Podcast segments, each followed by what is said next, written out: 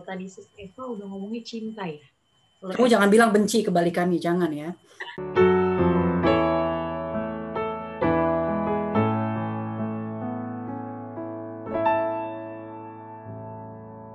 Halo sahabat orang muda, kembali lagi bersama dengan saya Rachel di Youth Lighthouse Podcast.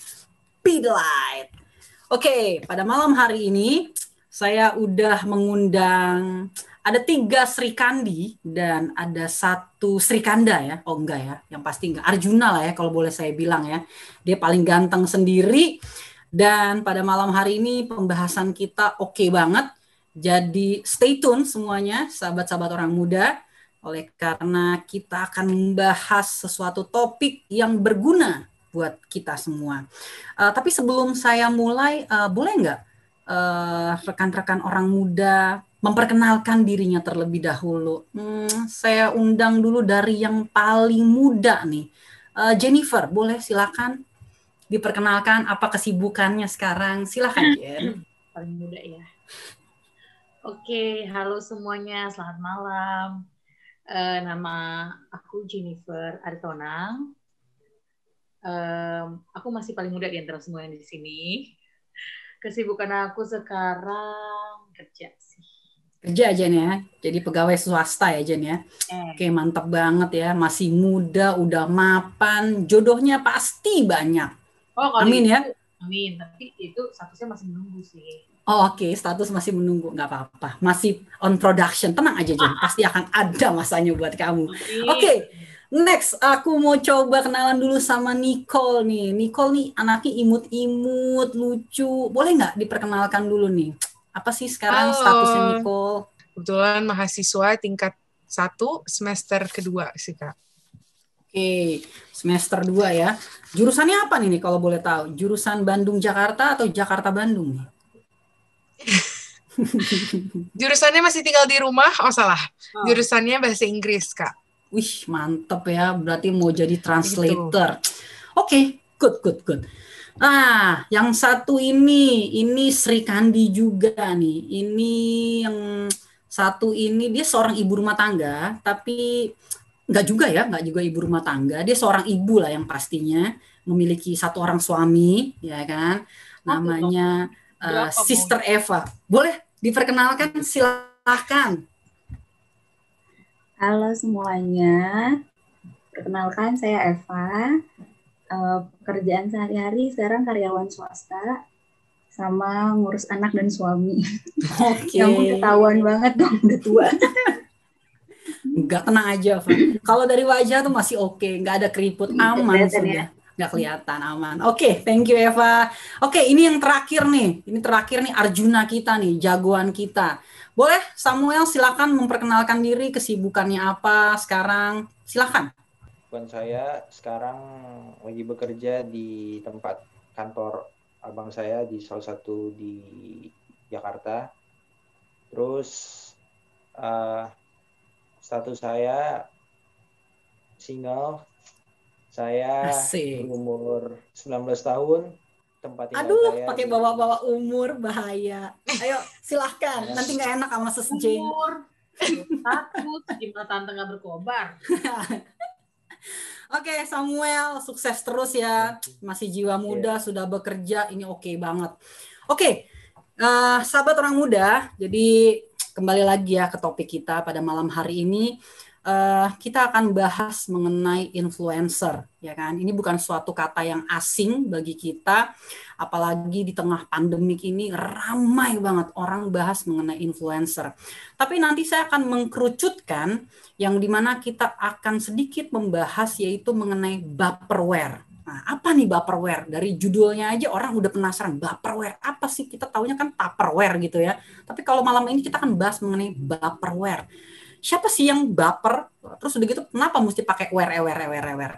Oke, tapi hmm, kalau kita uh, mendengar kata influencer gitu ya, banyak banget gitu artis-artis atau uh, tokoh-tokoh kenamaan yang di mana mereka juga uh, akhirnya menjadi seorang influencer, which is good, uh, which is bad, tergantung dari kita yang menilai. Nah, uh, di mana juga mereka memiliki begitu banyak followers ya. Kita tahu ada beberapa yang kita katakan uh, makro influencer, which is mereka juga uh, memiliki pengikut yang banyak, yang kurang lebih itu hampir satu juta pengikut. Lalu juga ada yang namanya mega influencer, itu berarti uh, orang ini sudah hebat banget di mana dia sudah memiliki followernya kurang lebih dari udah satu juta ke atas. Uh hebat banget. Berarti orang itu banyak suka mendengar apa yang ia katakan. Ada juga yang premium, ada juga selebgram, youtuber, dan blogger. Nah, kalau kita mendengar kata ini, saya mau tanya dulu, apa sih pandangan kita tentang influencer? Saya coba mau tanya dulu dari Nicole, apa yang tercetus dalam pikiran Nicole pada saat Nicole mendengarkan influencer? Silakan Nicole. Um, yang pasti pengaruh tapi kalau untuk saat ini tiap kali dengar kata influencer tuh selalu uh, terbawa pikirannya sama endorsement sih kak. Okay. Karena itu dua hal yang mungkin hampir tidak bisa dipisahkan gitu. Tapi nggak mm -hmm. semua influencer sebenarnya endorsement sih, cuma okay. untuk saat ini sangat terikat gitu. Yang namanya influencer tuh biasanya akan diembel-embeli dengan yang namanya endorsement gitu sih kan. Oke, okay. berarti lebih ke berbau dunia marketing gitu ya, endorse iya. something yeah. ya di mana nanti at the end mereka akan menjual dan kalau itu good diterima masyarakat ya berarti itu menguntungkan baik si uh, apa namanya influencernya ataupun dari followersnya. Oke, okay, thank you Nico. Uh, Jennifer, gimana nih, sis? Apa pandangan sister nih mengenai influencer? Atau jangan-jangan sister ini seorang influencer? Soalnya saya lihat mukanya tuh nggak jauh-jauh berbeda. Aura, aura terkenalnya tuh ada. Gimana coba sis? Silakan sis. Jadi enak dibahas-bahas. Asik, asik Silakan sis kalau menurut aku kalau disebut influencer kata yang langsung ada di pikiran aku itu adalah social media. Itu sih. Jadi karena memang uh, belakangan ini ya zaman sekarang ini siapa sih yang nggak pakai social media ya kan? Dan uh, menurut aku sendiri juga kata influencer itu juga muncul ketika social media ini lagi marak-maraknya gitu loh. Dulu sebelum ada Instagram mana ada tuh yang namanya uh, influencer ya nggak sih? Emang di Facebook ada disebut uh, saya seorang influencer kayak gitu nggak ada kan? Adanya influenza sis mohon influenza, maaf sis. iya sis. Kalau itu influenza ada banyak sis. Lanjut. Iya itu aja sih kak. Pokoknya kalau udah disebut disebut um, apa uh, influen influencer. Eh influenza. Eh influencer benar langsung oh social media. Untung nggak dispenser ya sis. Iya sis. Kayak gitu aja sih sis. Aku ya. Oke langsung terdeteknya dengan media sosial ya Oke, okay, uh, eh, saya mau tanya dulu nih, kalau dari Arjuna kita nih, dari Samuel, apa yang tercetus di pikiran kamu pada saat kamu mendengar kata influencer? Gimana Sam? Silakan. Influencer itu adalah orang yang punya pengaruh di tengah-tengah masyarakat. Jadi okay. orang yang bisa mempengaruhi masyarakat dengan segala sesuatu yang dia miliki gitu. Contohnya yang tercetus itu kayak influencer itu seperti uh, public figure, orang-orang yang besar yang bisa mempengaruhi dan Mantap. bisa yang Hebat bisa ya. Wawasannya ya. Mantap. Yang ya. bisa orang yang bisa membuat orang-orang ikut kepada dia itu. Oke, mantap. Aku suka nih dengan pemikirannya Samuel ya, dengan di usia mudanya tapi pemikirannya tajam. Mantap, mantap. Oke. Nah, kalau dari pandangan Mami Eva nih, gimana nih, Mams? Menurut Mams nih, kalau influencer apa nih? Oh, sister ya, sister. Oke, okay. gimana, gimana, gimana? Silakan, sis. Apa ya, kalau influencer tuh menurut aku, uh, dia tuh pasti berdampak. Mm-hmm. Dampaknya kita nggak macam-macam ya, itu bisa nanti. Tapi pasti dia berdampak. Tapi kalau kalau satu kata yang tercetus di pikiran aku, kalau dengan kata influencer adalah eksis. Pasti dia eksis uh, eksis kan uh, artinya dia apa ya ada ada dan dia continuity lah continuity nah itu jadi buat aku kalau buat simpelnya influencer ya dia orangnya tuh eksis dan dia tuh punya dampak buat lingkungannya entah buat audiensnya itu apa Oke, okay. jadi aku nangkep ya seorang influencer ini adalah seorang yang bisa uh, apa namanya memberikan dampak either positif atau negatif ya. Tetapi di dalam hal ini kita akan berbicara mengenai sesuatu yang positif, ya kan? Nah, kira-kira, kira-kira nih ya, di dalam kehidupan uh, sahabat orang muda nih yang datang pada malam hari ini menjadi bintang tamu saya nih, uh, menurut kalian kalian adalah seorang influencer nggak sih? Kalau Eva gimana? Saya influencer kayaknya kak. Apalagi saya, nggak jauh beda antara influencer, insana, sama dispenser. Kalau menurut Eva gimana? Eva udah merasa bahwa Eva tuh punya aura-aura menjadi influencer atau enggak? Ah, nggak ada, nggak ngerasa sama sekali influencer. Tapi pernah nggak sih ada yang muji Eva, aduh makasih ya kamu tuh ternyata memberikan masukan yang baik atau gimana gimana? Pernah, pernah banget ada. Hmm. Jadi dia tuh ada apa ya?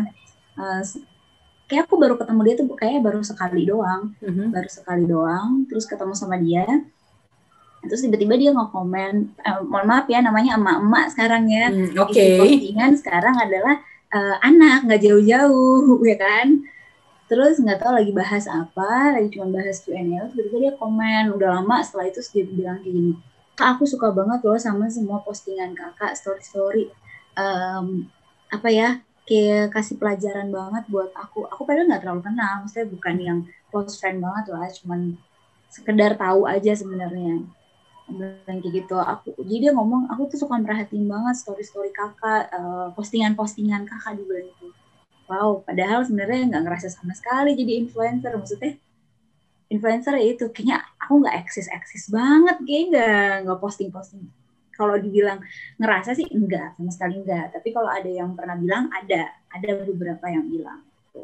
Berarti tanpa tanpa uh, Eva sadarin apa yang Eva buat di media sosial ternyata berdampak positif. Dan itu good point gitu ya. Which is orang lain itu mendapatkan sebuah pelajaran yang baik yang bisa mereka aplikasikan di dalam kehidupan keseharian mereka. Jadi menurut saya itu udah jadi satu influencer yang bagus gitu ya cuman mungkin tinggal dikembangkan lagi kali Pak ya oke okay, biar lebih banyak pasti banyak lah followernya Eva lah di Instagram atau di media sosial lainnya saya yakin jadi tetap tetap tetap di tetap dijalankan ya.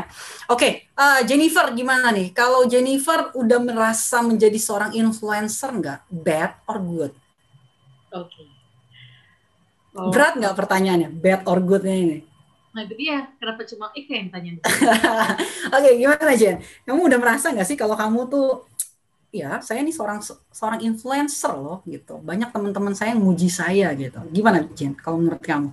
Um, kalau pribadi sih bukan bukan pemuji ya mungkin aku nggak bisa memuji sendiri atau gimana cuman uh, ada aja beberapa temenku uh, bukan di sosial media atau bukan um, di postingan atau segala macam sih lebih ke kehidupan nyata gitu misalkan ada aja gitu ya orang yang ngomong kayak Jennifer ini kenapa sih kelihatannya happy mulu? Gitu loh. Tawa mulu kerjanya. See. kayak gak punya masalah gitu loh. Padahal kan mantap.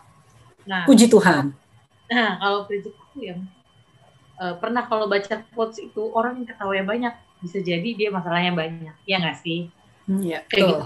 Nah kalau menurut aku uh, kita tidak kita nggak usah nggak perlu orang tahu kita punya masalah apa segala macam dengan kita share kita punya ketawa kita punya um, senyum itu tuh bisa mempengaruhi orang sekitar buat senyum balik ke kita kayak gitu sih intinya itu kan otomatis kita bikin orang sekitar kita berbuat baik juga dengan mereka melemparkan senyum mereka balik ke kita kayak gitu aja sih kak Oke, okay. berarti Jennifer membagikan suatu hal yang positif ya buat orang lain, tidak jauh berbeda dengan Eva. Eva juga membagikan suatu hal yang positif ya. Oke, okay. Nah kalau dari Samuel, gimana Sam? Kamu merasa nggak bahwa diri kamu ini seorang influencer? Uh, pengaruh baik nggak? Atau kamu sudah membagikan pengaruh baik ke orang lain? Atau justru malah ada pengaruh buruk yang kamu berikan ke orang lain yang orang akhirnya feedbacknya negatif sama kamu?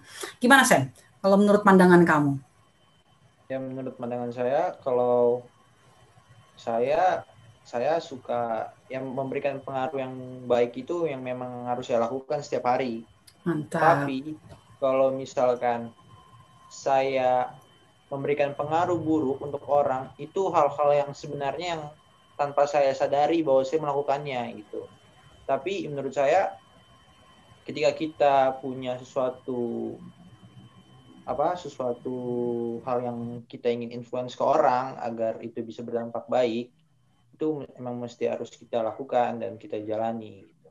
Tapi kalau memang misalkan kita tanpa sengaja tahu kita menginfluence orang dampaknya buruk, ya itu yang mesti menjadi pertimbangan. Oke, berarti harus sejalan ya, which is sikap Iya, iya. dan juga kata-kata kita itu harus sejalan ya. Ya. Jangan sampai kata-kata kita berbalik 180 derajat dari sikap yang kita tunjukkan ke Ya. orang lain. Oke, good point Samuel. Thank you, thank you. Ah, Nicole, gimana kalau Nicole? Nicole merasa nggak bahwa Nicole sudah menjadi good influencer buat orang lain? Gimana Nicole? Em, kalau ngomongin soal influencer sebenarnya persis banget kayak yang kayak Eva bilang gitu ya suka nggak sadar gitu kalau misalnya ternyata tuh apa yang kita posting apa yang kita ceritain di sosial media itu tuh ada bawa dampaknya ke orang lain gitu sampai ada titik di mana aku tuh kayak off Instagram jadi kebetulan setelah pandemi ini aku berusaha untuk eh, mengubah platform yang aku punya semuanya tuh lebih ke arah gimana aku tuh bisa sharing tentang kasih Tuhan gitulah intinya ke sesama gitu. Gak peduli apa pun background dari mereka, aku cuma mau kasih embrace my faith gitu apa ya um, menggebu-gebukan iman yang aku punya gitu. Sampai ada titik di mana ya udah gitu aku cuma ngerasa kayak ya udah aku emang cuma posting aja apa yang aku pengen dan ini yang aku pengen untuk post gitu. Sampai akhirnya aku kayak off Instagram berapa waktu gitu karena buat aku uh, beberapa waktu itu tuh bener-bener toxic buat aku ya sendiri jadi aku kayak nggak mau gitu. Karena apa yang aku lihat gitu. Nah akhirnya tiba-tiba aku tuh punya link namanya Secreto kalau ada yang tahu jadi tuh orang bisa chat ke aku apaan aja mau marah-marah di situ tanpa atau mau puji-puji aku tanpa aku tahu itu siapa gitu. Ternyata mereka tuh ada yang ngechat kayak gini, e, ya ampun gitu, ini anak abis dari uh, cewek tukang labrak di SMA gitu ya, uh, tiba-tiba jadi Kristen gitu ya. Kristen gitu gitu, Asik. kata kata dia Puji gitu kan ya. Tuhan kalau gitu ya. Nah, heeh, jadi Kristen Kristen gitu katanya. Ada juga yang kayak Nicole off Instagram ke mana aja gitu, butuh renungan pagi nih gitu.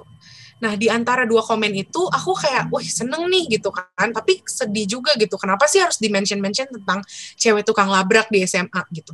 Tapi entah kenapa setelah aku berdoa terus aku um, mulai sadar sama pernyataan itu, aku justru bersyukur gitu. Ternyata perubahan yang aku bikin dilihat sama orang atau bahkan dari aku yang tadinya dibilang cewek tukang labrak SMA gitu.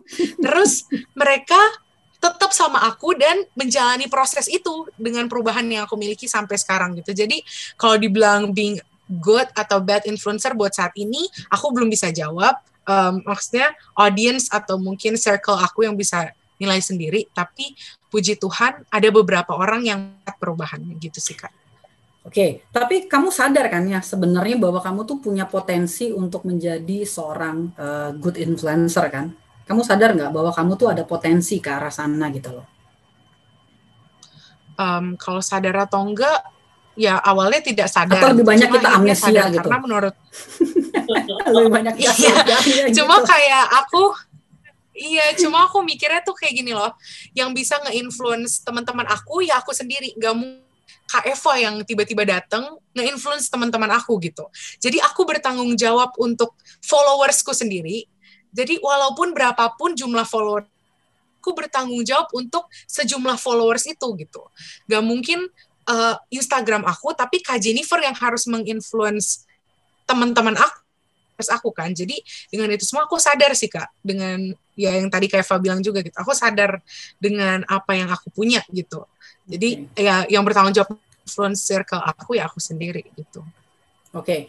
Baik, berarti uh, baik Nicole, baik Samuel, baik Jennifer, baik Eva, semua sadar ya bahwa kita ini uh, semua memiliki apa namanya kesempatan untuk menjadi seorang good influencer ya kan bahwa uh, di setiap waktu kita di setiap kesempatan kita kita bisa menggunakannya untuk menjadi uh, seorang yang memberikan pengaruh baik kepada orang lain. Nah pertanyaannya ya ini buat Eva nih kalau misalnya nih Eva sudah dikatakan sebagai seorang influencer gitu ya hal positif apa yang ingin Eva bagikan kepada orang lain? Boleh dong di-share ke kita. Selain dari moms per momsnya, selain dari moms per moms, kira-kira kalau buat orang muda nih, apa nih Fa yang bisa Eva bagikan?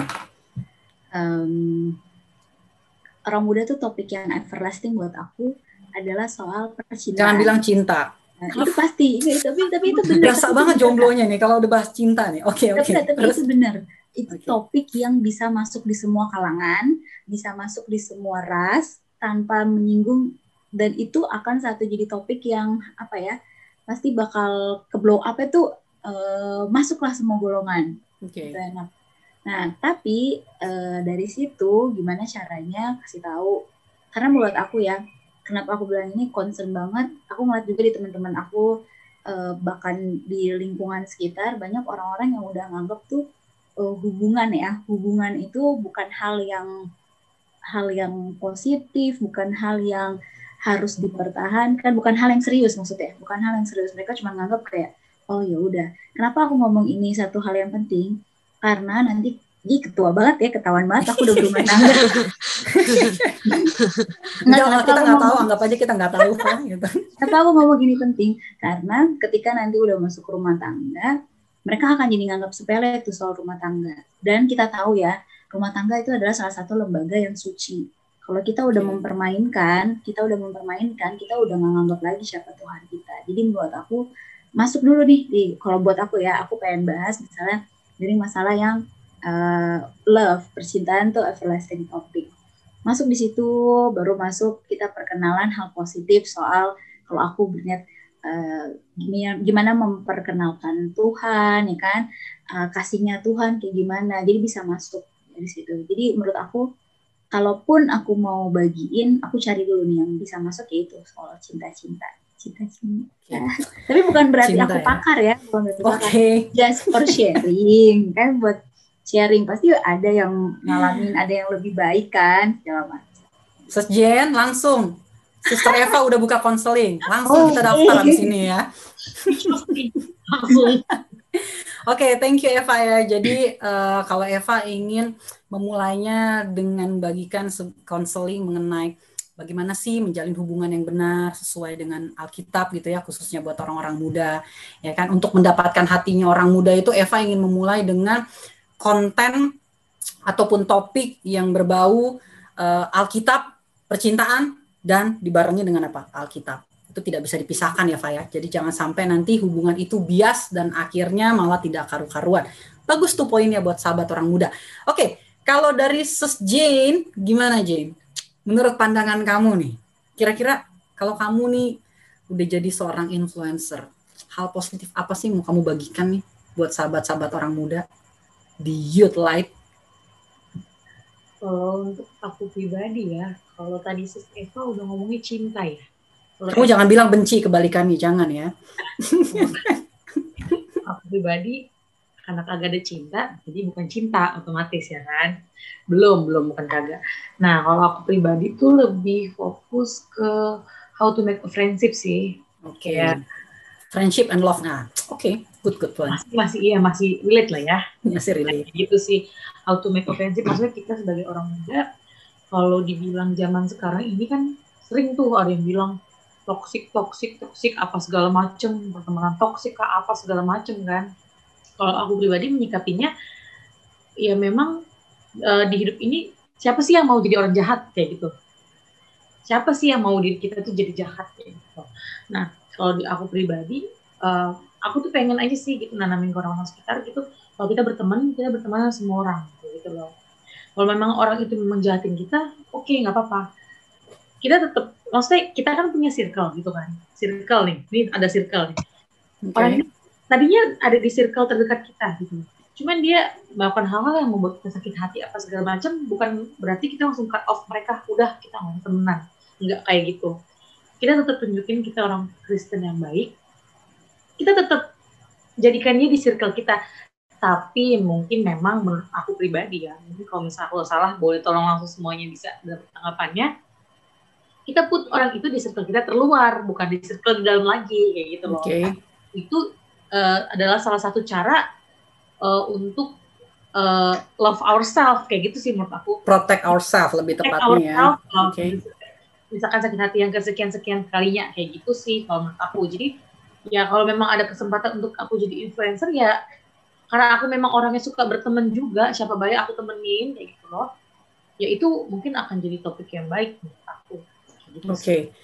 Bagus ya, berarti dimulai dari sebuah hubungan ya. Bagaimana kamu ingin uh, berhubungan dengan banyak orang dan hal-hal positif uh, yang bisa kamu bagikan ke mereka itu banyak banget yang bisa kamu lakukan. Jadi jangan berhenti oleh karena kita uh, sakit hati ya. Karena sakit hati itu biasanya datangnya jadinya dendam. Tapi biarlah kita tepi satu persatu agar kita bisa berteman dengan banyak orang dan menularkan hal-hal yang baik. Oke, okay, thank you. Thank you Sis Jane. Nah, kalau Samuel nih, kira-kira nih, kalau kamu nih sekarang udah jadi influencer gitu ya, hal positif apa sih yang mau kamu bagikan buat sahabat-sahabat orang muda nih? Gimana Sam? Hal positifnya itu, hal positif, hal positifnya itu yang pasti memberikan suatu apa ya, memberikan suatu pengaruh baik, memberikan suatu hal-hal yang dapat dilakukan dengan baik. Contohnya, kira-kira apa nih? Apa Sam? Uh, yang kira-kira ya, kira-kira. Ya. Yakin dong, jangan kira-kira, yakin gitu. Ya, yakin. yakin, dan ini mantap. Yang, yang dan ini sebenarnya aku aku tuh setiap hari selalu nge-influence orang-orang gitu. Orang-orang di sekitar aku. Yang aku biasanya influence itu adalah iman. Hmm. Iman. Wih, berat ya, mantep ya. Puji nah, Tuhan. Nah, ketika kita ini menurut aku pribadi ya kalau aku punya satu iman yang berbeda dengan mereka itu bisa menjadi terang gitu. Istilahnya uh, wah Samuel bagus banget ya ininya gitu. Oh penasaran nih Samuel uh, kamu tuh imannya seperti apa sih? gitu. Kepercayaannya kayak gimana? gitu. Itu selalu aku bagikan dan itu yang itu yang membuat aku jadi berbeda dengan mereka. Itu yang selalu aku influence. Nah, itu yang pertama. Yang kedua, yang aku bagikan setiap harinya itu adalah uh, apa ya kegiatan-kegiatan yang positif dan juga uh, tingkah laku tingkah laku aku yang dapat memberikan hal yang positif untuk mereka gitu. Contohnya uh, bantu orang, uh, bantu teman, mereka suka melihat seperti itu itu aja sih. Mantap banget ya Samuel ya. Di usianya yang masih muda sudah bekerja lalu visioner banget gitu ya untuk ke depan beriman. Ih, mantap banget. Jodohnya pasti bahagia banget nih kalau dapat Samuel someday. Amin. Kita doakan ya Sam ya. Oke, okay. Nicole, gimana nih kalau Nicole nih? Seandainya Nicole udah menjadi seorang influencer gitu ya. Hal positif apa yang Nicole mau bagikan kepada sahabat-sahabat orang muda?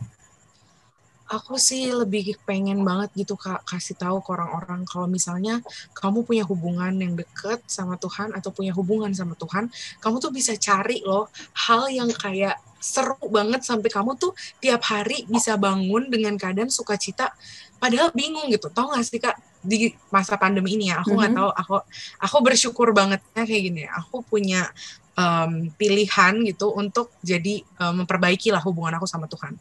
Gak mau yang cuma kayak oke okay, renungan cuma sama mama sama daddy gitu ya. Nah, untuk aku emang punya harus punya quality time nih sama Tuhan gitu. Aku tuh tiap bangun pagi rasanya tuh kayak anak SD yang lagi mau field trip tau gak? Kayak pun perasaan tuh seneng banget tapi bingung gitu yang mau disenengin tuh apa gitu. Sampai akhirnya aku uh, mikir-mikir kenapa gitu ya. Ternyata tuh cuma karena nih ya, kalau teman-teman yang lihatnya di YouTube nih, kalian beruntung karena kalian bisa lihat ini nih. Jadi aku tuh beli kayak satu set gitu kak, satu set gambar um, highlighter, apa okay, namanya? Highlighter. Ya, ya. Uh, highlighter. Ya. Ya. Um, ya highlighter lah intinya. Nah highlighter itu tuh buat uh, nge-highlight ayat-ayat yang di mana misalnya gini, warna pink itu buat menguatkan aku, warna kuning buat sesuatu hal yang aku harus lakuin gitu. Warna hijau itu sesuatu hal yang nanti nih tiap kita gereja ini aku bakal bagi nih ke orang-orang. Aku harus diskusiin kayak gitu. Jadi tiap warna tuh ngelambangin sesuatu yang masing-masing. Kebetulan emang aku suka banget sama warna, aku suka banget sama gambar dan itu cara aku bikin uh, hubungan aku sama Tuhan tuh jadi seru gitu loh. Jadi sesuatu yang aku nanti-nantikan gitu. Dan dengan itu semua aku ngelihat perubahan dan juga pekerjaan Tuhan di dalam hidup aku tuh sangat amat luar biasa. Dan itu juga yang bikin aku tuh pengen banget teriak-teriak sama orang kayak Tuhanku bikin ini loh buat aku gitu. Amin. Dan itu yang um, aku ngerasain juga kalau dia bisa bikin itu buat aku, aku yakin dan percaya dia juga bisa bikin itu buat uh, sekarang ini juga gitu sih kak. Jadi lebih ke arah menggebu-gebu banget kayak, aduh Tuhan tuh bisa bikin ini nih, ayo dong please uh, turning point kamu, eh turning point kamu supaya kamu bisa ngerasain hal yang sama gitu sih kak. Oke, okay. aduh, amin banget ya. Aku tuh merasa dikuatkan ya. Siap, kita merasa dikuatkan ya, saling sharing ya. Jadi kita bisa bisa dapat poin-poin penting yang which is uh, kita saling tukar pikiran oh si A maunya begini oh si B akan jadi begini dan ini bisa menjadi satu uh, satu motivasi juga ya buat kita khususnya sahabat-sahabat orang muda. Dan saya sangat excited banget bahas mengenai ini karena uh, tanpa kita sadari ya kan katamu kataku. Ya kita mesti ingat bahwa setiap perkataan yang keluar dari mulut kita itu bisa menjadi apa? Itu bisa menjadi berkat bisa juga menjadi kutuk. Jadi apa yang sudah kita bicarakan pada malam hari ini uh, harapan besar kita semua agar bisa menjadi berkat bagi orang lain. Dan kalau kita ingin menjadi seorang influencer yang baik, ya kan tadi sahabat-sahabat orang muda sudah mengatakan bahwa saya ingin melakukan hal yang positif. Saya begitu uh, amazed dengan Tuhan saya dan inilah saya ingin bagikan bahwa apa yang saya bisa uh, lakukan dengan Tuhan saya, maka dia juga akan melakukan uh, sama kamu gitu. Jennifer juga menyatakan bahwa uh, dia ingin merangkul sahabat-sahabatnya. Eva juga uh, mempunyai misi visi yang bagus untuk merangkul orang-orang muda. Begitu juga dengan Samuel. Nah, tapi yang perlu kita perhatikan bahwa untuk menjadi seorang influencer, kita tidak perlu terlalu fokus dengan apa? Dengan followers. Karena apa?